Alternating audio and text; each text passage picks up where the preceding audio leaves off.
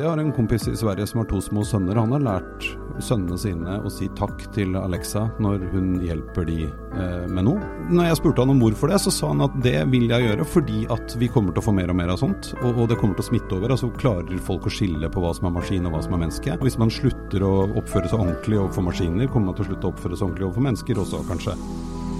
Fagbokpodden er laget i samarbeid med Gyldendal. Når juss møter AI, rettslig regulering av kunstig intelligens. For mange kan det kanskje høres litt tørt ut, men det er i hvert fall noe som kommer til å komme og synes for oss i større og større grad i fremtiden, uansett uh, hvor på kloden vi måtte befinne oss. Eirik Normann Hansen, en av forfatterne, velkommen. Og Christian Bendiksen. Hva var det som fikk dere til å tenke at uh, dere skulle ta den litt sånn futuristiske For mange syns og tenker at dette her eh, De får ikke engang til selvkjørende busser som kommer igjen. Ja, ja men, og det er jo faktisk et litt morsomt eksempel, da. Fordi det er jo det første lille sånn juridiske trikset, eller hiccupen, som jeg har vært med på å oppdage, var jo der jeg jobbet før, var med på dette Obos-prosjektet hvor den selvkjørende bussen skulle kjøre skytteltrafikk til stranda. Den fikk ikke lov å kjøre alene? Nei, først, det gjorde den ikke. Men så fikk den lov til det. Men så holdt hele eh, prosjektet på stranda fordi at i veitrafikkloven, heter det vel, så står det at kjøretøy som kjører på norske veier, de må ha sidespeil. Ja. Og det har jo ikke den selvkjørende bussen, naturligvis. Men han har vindusvisker. Ja, vindusvisker. Ja, det er, ja, men det skal se pent ut. Nei, så, så det holdt på, og det er jo da typisk en sånn loven følger ikke helt med, og det er jo det Kristian driver med. Ja, for å introdusere deg, Kristian Bendiksen. Du er eh, advokat og eh, partner og leder av Brekkhus advokatfirma Adeas avdeling for teknologi og industri og handel. Eh, er det mye trøbbel med juss, eller er norske myndigheter flinke til å flytte på en måte vekk de hindrene når de ser dem? Jeg tror ikke de har begynt å se på det engang. Å nei. Altså, de ble over, åpenbart overrasket over at veitrafikkloven forlangte at det skulle være et menneske mm. som, førte, eh, som, førte, denne vogna, altså den selvkjørende bussen. Mm. Og der måtte man lage en særlov om utprøving av selvkjørende biler. Ja. Eh, ok. Eh, det vi trenger, tror jeg primært, det er en opprydding. Altså, det, I Hongkong så er det nå en eh, AI som da sitter som eh, styremedlem med stemmerett i et investeringsfirma. For det kommer til et spørsmål som mm. jeg, jeg ofte jeg skriver opp spørsmålene. Men ser du for deg at man skal kunne holde teknologi ansvarlig? Juridisk ansvarlig? Saksøke teknologien? Saksøke den kunstige intelligensen? Og si at uh, du skylder meg så mye penger fordi du tråkka meg på tærne og det kosta meg så mye? Det er et spørsmål som EU-parlamentet stilte i 2017. Ja. Om erstatningsretten er god nok, eller om man er nødt til å ha en form for juridisk personlighet for gitte former for selvlærende nevrale nettverk som tar autonome beslutninger. Du har skrevet, sammen med Eirik her, eh, boken 'Jus møter AI'. Mm. Hva tenker du? Uh, jeg tenker at uh, det er den som setter AI-en i produksjon, okay. som er ansvarlig. Så du vil tilbake til mennesket? Ja. Men hva når du får kobler dette med machine learning, da? Det er nettopp det jeg sier. Og sier at, sier at den maskinen har jo lært seg ting som jeg ikke lærte den. Jeg bare lagde den, jeg. Og så har den utdannet seg selv. Ja, og der har du det neste spørsmålet. Hvor langt opp i produksjonsrekken mm. skal ansvaret gå? Mm. Jeg kjøper en AI. Den AI-en bruker jeg til å gi forsikringstilbud ja. til mine kunder. Eh, AI-en var testa og fin når vi satte den i produksjon. Eh, deretter så begynner den å lære på mine data, mm. altså kundenes uh, skademeldinger, og plutselig så begynner den å dele ut eh, langt høyere uh, utbetalinger enn takst til mennesker som overhodet ikke burde hatt forsikringsutbetaling. Mm. Ups, jeg har tapt en masse penger. Mm. Dårlig AI. Dårlig AI. kan da Altså, kan jeg da gå til kundene mine, hvis jeg har lyst til å ta det, eh, det, det renommétapet, selvsagt, men kan mm. si at sorry, Mac, men den eh, beslutningen der den ble tatt av en AI. Det var ikke noe menneske som var involvert i den her. Ikke se på meg. meg. Eh, så sorry, men jeg må ha tilbake pengene. Mm. Eller er det sånn at disse mm, tilbudene som AI-en ga, er bindende for meg? Men kan jeg da gå på leverandøren av AI-en og si at hør nu her.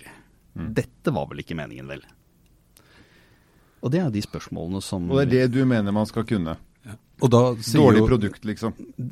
I den grad man kan dokumentere at det, det, er nettverkets og ikke dataenes feil. Altså, dette her er faktisk et veldig, altså, veldig, veldig vanskelig spørsmål.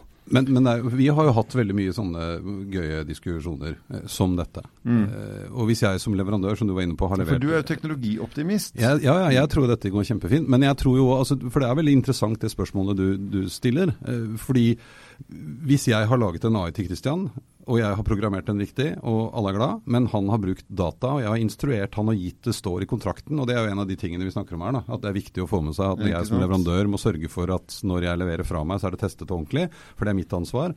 Treningen, hvis det er kundens ansvar, så må kunden vite at Når er denne AI-rookien ditt ansvar? Ja, ikke sant. Ja. Og hvor går det skillet, og når du begynner å trene den på de dataene du har, eller du skaffer deg eller kjøper, eller hva det måtte være, så går ansvaret plutselig over til deg hvis det er dataen som er dårlig. Mm. Og så i neste instans, som du var inne på nå, når den har lært seg dataene, var for så vidt fine, og så begynner den å leve sitt eget liv.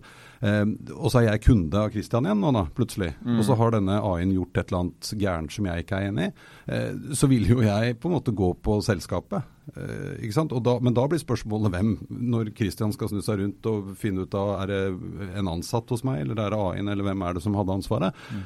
Så begynner det å bli komplisert. Altså Dette er alminnelig kontraktsrett. Vi har brukt de samme prinsippene for når en avtale er gyldig, eh, siden ja, avtaleloven av 1918. Altså, ikke, altså, jurister lever av å ta de reglene som finnes, og bruke dem på helt nye fakta. Mm. Dette er et helt nytt fakta. Og det er et ganske komplekst fakta, fordi at IT-kontrakter frem til i dag er jo laget med at man har et stabilt system.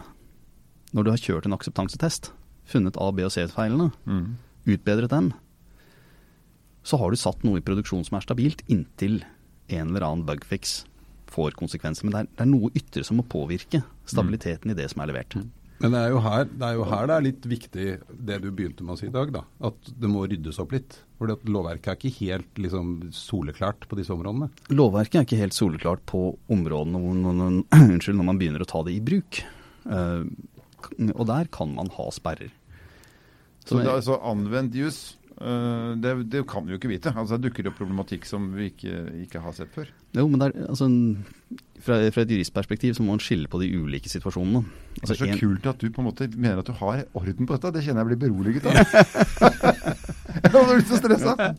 Nei, men så Én ting er jo salgsprosessen for et selvlærende nevralt nettverk, en AI som da på toppen av det hele kanskje skal ta autonome beslutninger basert mm. på datastrøm mm. etter leveranse. Ja, Som selv, gjør selvstendige oppgaver og tar selvstendige beslutninger. Og kanskje også ratter veien for et selskap. Altså, han, han, som leverer, altså gir lånetilsagn i en bank, eller aksepterer en skademelding i et forsikringsselskap, han tar en autonom beslutning. Han mm. gir et bindende tilbud mm. ut til en kunde. Mm. Hvis kunden aksepterer det, kommer avtale i stand. Uh, og, der, og, der, er det jo ett spørsmål. Uh, kan en maskin som ikke er et menneske, gi et bindende tilbud? Ikke sant? Uh, jeg mener jo svaret er ja, fordi han vil være da det vi kaller legitimert. kunden har grunn til å tro at er, det tilbudet som kommer fra DNB om lån, er gyldig. Mm. Og når de da signerer i god tro, så er den gyldig. Det er ett spørsmål. Og det er, det er, ikke gitt at det spørsmålet besvares likt i andre land med annen kontraktstradisjon. Mm. Uh, og så har du da spørsmålet om bruken av AI. Altså Dette er da ren kontraktsrett. Der bruker du legitimasjonsreglene.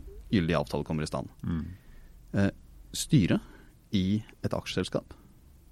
Aksjeloven krever at man skal, altså voteringsregler, skal, uh, hvordan saksgangen skal forberedes, hvordan ja, saker skal fremlegges. For beslutninger og så Nettopp. Mm de beslutten, altså hele premisset for denne saksbehandlingsregelverket altså i aksjeloven er jo at det er mennesker som sitter rundt bordet. Mm.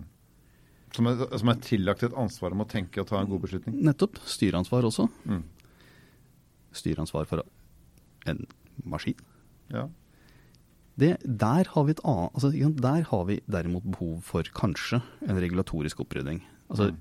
Noen må sette seg ned, så må man se på den store røde å finne ut hvor mye av lovene som pålegger ansvar, myndighet, fullmakt osv., er laget, skrevet på en måte som gjør at man faktisk utelukker bruken av AI. Og så må man ta en beslutning på hvorvidt dette er fornuftig eller ikke. Men da mener du fortsatt at det burde peke tilbake på noen av kjøtt og blod til syvende og sist? Ja, altså jeg mener... Men ser du for deg at en AI i fremtiden vil kunne ha et juridisk faktisk ansvar og være den juridiske eh, parten du skal forholde deg til hvis uh, noe skjer? Fransk juridisk teori mener at man bør lage en juridisk uh, Altså en personlighet for autonom AI. Mm. Fordi at altså, Da tenker de seg koblet mot en forsikringsordning. Ja, altså du, du, som bruker AI må betale inn til et forsikringsselskap, og så betyr det at når AI-en gjør noe hoppende gærent, så kan man da kreve erstatning av AI-en via de pengene som er betalt inn. Bare, bare for Eirik mm. Hansen. Eh, ok, det er greit, man kommer til en forsikringsordning, slik at AI-en må tegne en forsikring for å få lov å operere, og gjør den ikke det, så er den ulovlig, på en måte. Mm. Uh, kan vi se for oss at kunstig intelligens uh, ender opp med en slags menneskerettigheter? altså, ja, har, jo, altså, jo, jo, vi kan jo det. Ja, ja, vi har bygd relasjoner, eller bygd nettverk. Vi har, de, de, tar til og med emosjonelle avgjørelser, ikke sant? Er, og vi har jo allerede diskutert Ikke trekk stikkontakten, vær så snill. Jeg vil ikke dø. Nei, ikke sant. Og, og, vi har jo allerede begynt å diskutere eh, etikk og moral og, og, sånn i forbindelse med AI. Eh, og det er klart det. Og, vi har jo diskutert dette også, da. For at i det øyeblikket alle avvindene har lært seg ting, og den opererer på egen hånd, og liksom, hvordan skal man behandle den da?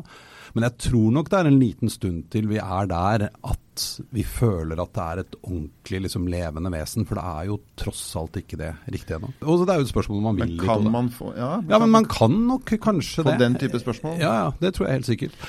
Litt, bare for å dra det litt Nå, nå var vi langt ute. litt tilbake. Men egentlig ikke. fordi at eh, På 50-tallet så hadde man jo en liten programkode som het Eliza. Og mm. den var jo den, den, stilte spørsmål basert på det siste setningen du skrev. Mm -hmm. uh, og den ble brukt til grunnleggende psykologisk behandling. Fordi, og folk var genuint De trodde at det var et menneske som satt og skrev på andre siden. Mm. Så de, uh, det er eh, et forskningsprosjekt ved Universitetet i Ohio som, sier, altså, som, har en AI som kjenner igjen menneskelige emosjoner. Mm. Uh, når den Og så var det en altså, den kan bruke til å trøste folk, da. Ikke sant. Og, og disse, altså disse, systemene, selv om de overhodet ikke har noen personlighet mm. Jeg tror altså CTO-en i Facebook sa at når det gjelder singularitet, så er de beste systemene omtrent på linje med rotta. Mm. Uh, men mennesker kan oppfatte å relatere seg til disse systemene. Det er faktisk veldig skummelt. Ja. Jo, Men det tar jo ikke lang tid. Det er jo som du var inne på, det er jo bare litt sånn vanesak. for Hvis du spør folk i dag om de har robotstøvsuger eller robotgressklipper, ja, ja. så er det ganske mange som har det. Og de aller fleste har begynt å gi de navn. Ikke sant? Og de leverer Asker Hamster hørte jeg robotgressklipper. Ja, ja, ja. Jeg har to stykker. Jeg har to sånne støvsugere. James og Sven. Nå skal jeg prøve å komme litt tilbake igjen. Eh, vi har HR-avdelinger i de fleste bedrifter. Mm. Eh, så bør vi kanskje ha en MR-avdeling, altså en Machine Resources-avdeling. Ja, det tror jeg. Og jeg tror i hvert fall at, at altså, kunstig intelligens og, og, den type plattformer, eh, enten, altså om det handler om å, å eh, noe, etterutdanne folk og videreutvikle kompetansen i selskapet, eller hjelpe folk i bedriften med å ta lurere beslutninger eller raskere beslutninger, eller mennesker som jobber ved siden av maskiner, og de gjør hver sine jobber, men de blir på en måte kollegaer, mm. eh, så kommer det helt sikkert til å bli eh, behov for eh, kjøreregler og, og, retningslinjer, og hvordan skal man behandle både menneske og maskin. Mm. Eh, og Jeg ser jo allerede, jeg har en kompis i Sverige som har to små sønner. Han har lært sønnene sine å si takk til Alexa når hun hjelper de eh, med noe, når de spør om et eller annet. Ja, han har altså personifisert Alexa overfor sine unger? Ja, fordi sånn. han, jo, og han, når jeg spurte han om hvorfor det, så sa han at det vil jeg gjøre fordi at vi kommer til å få mer og mer av sånt. Og, og det kommer til å smitte over. altså Klarer folk å skille på hva som er maskin og hva som er menneske. Ja. Og Hvis man slutter å oppføre seg ordentlig overfor maskiner, kommer man til å slutte å oppføre seg ordentlig overfor mennesker også, kanskje. Ikke sant? Så dette sklir jo litt sammen. Eh, samtidig så tror jeg nok at det er en liten stund til igjen da, at vi, vi får liksom fullverdige kollegaer som er maskiner. Eh, men jeg tror nok at litt etikk og moral og hvordan man oppfører seg og hva man gjør og ikke gjør, kommer helt sikkert til å komme. Kristian Wenniksen, hvor lang tid tror du det tar før vi har eh, fullverdige kolleger som er maskiner? Kommer an på hva du mener med fullverdige kolleger. Altså, Taxien nå, taxisjåføren? ja, men altså det uh, Vi kommer nok til å se, uh, og spesielt innen fintech, uh, at kundebehandlingen i, person, altså det i er person. nå på finansbransjen. Ja, eh, altså kundebehandlingen mot personmarkedet, den kommer ikke til å være styrt av mennesker. Uh, men at du da har en form for selvlærende autonom AI i det markedet, det betyr jo ikke at du går og spiser lunsj med den. Sant? Det, er, det er et program på en PC. Så det vi kan si, da, hvis jeg kan tolke juristen rett, er at over et visst økonomisk nivå så kommer det til å være folk involvert.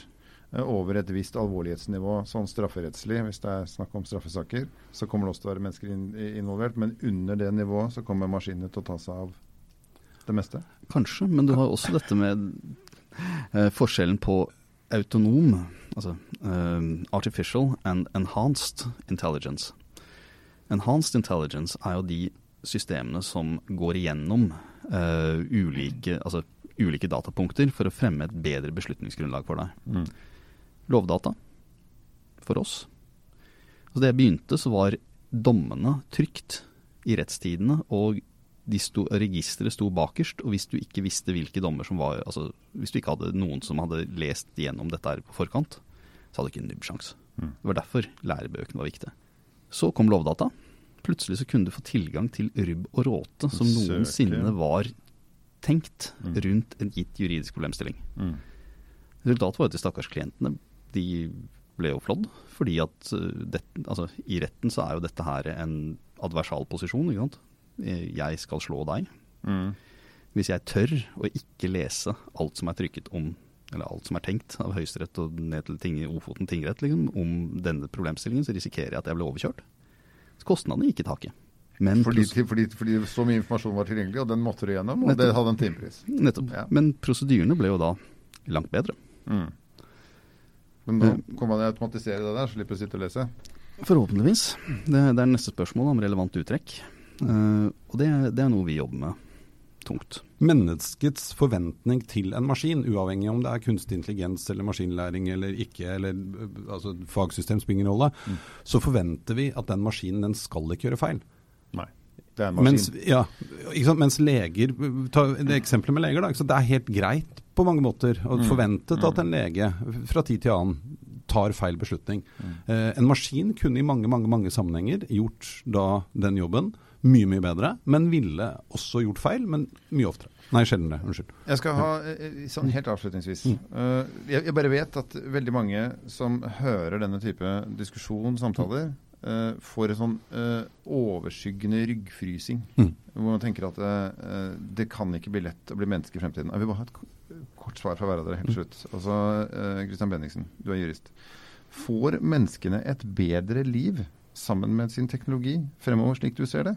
Eller er det grunn til å være skjelven? Nei, Det er åpenbart at mennesker får et langt bedre liv med den teknologien. Eh, den teknologien gir oss muligheter til å se ting vi aldri har sett før. Eh, altså i eh, kreftdiagnostikk er blitt mye mer presis ved hjelp av kunstig intelligens og bildegjenkjenning. Vi kommer til å få det bedre. Vi kommer til å få det bedre så lenge vi også passer litt på hvordan vi gjør det. Eirik Nordmann Hansen, tenker du? Svaret er jo åpenbart ja. Eh, og det er på mange flere områder enn bare liksom kreftdiagnostikk og, juridiske problemstillinger. Eh, jeg tror at vi har et kjempeansvar eh, å ta vare på for å utnytte og forvalte den teknologien på best mulig måte. Men med den så kan vi løse noen av de største utfordringene vi står overfor, og, og skape en verden som blir fantastisk. Men det er noen utfordringer på veien som vi ikke løser. Tusen takk skal dere ha for at dere ville komme til Fagbokpodden, eh, forfatterne bak Når juss møter AI. Takk for at vi fikk komme. Takk skal du ha. Takk for at du lånte øre til Fagbokpodden, som er laget i samarbeid med Gyldendal.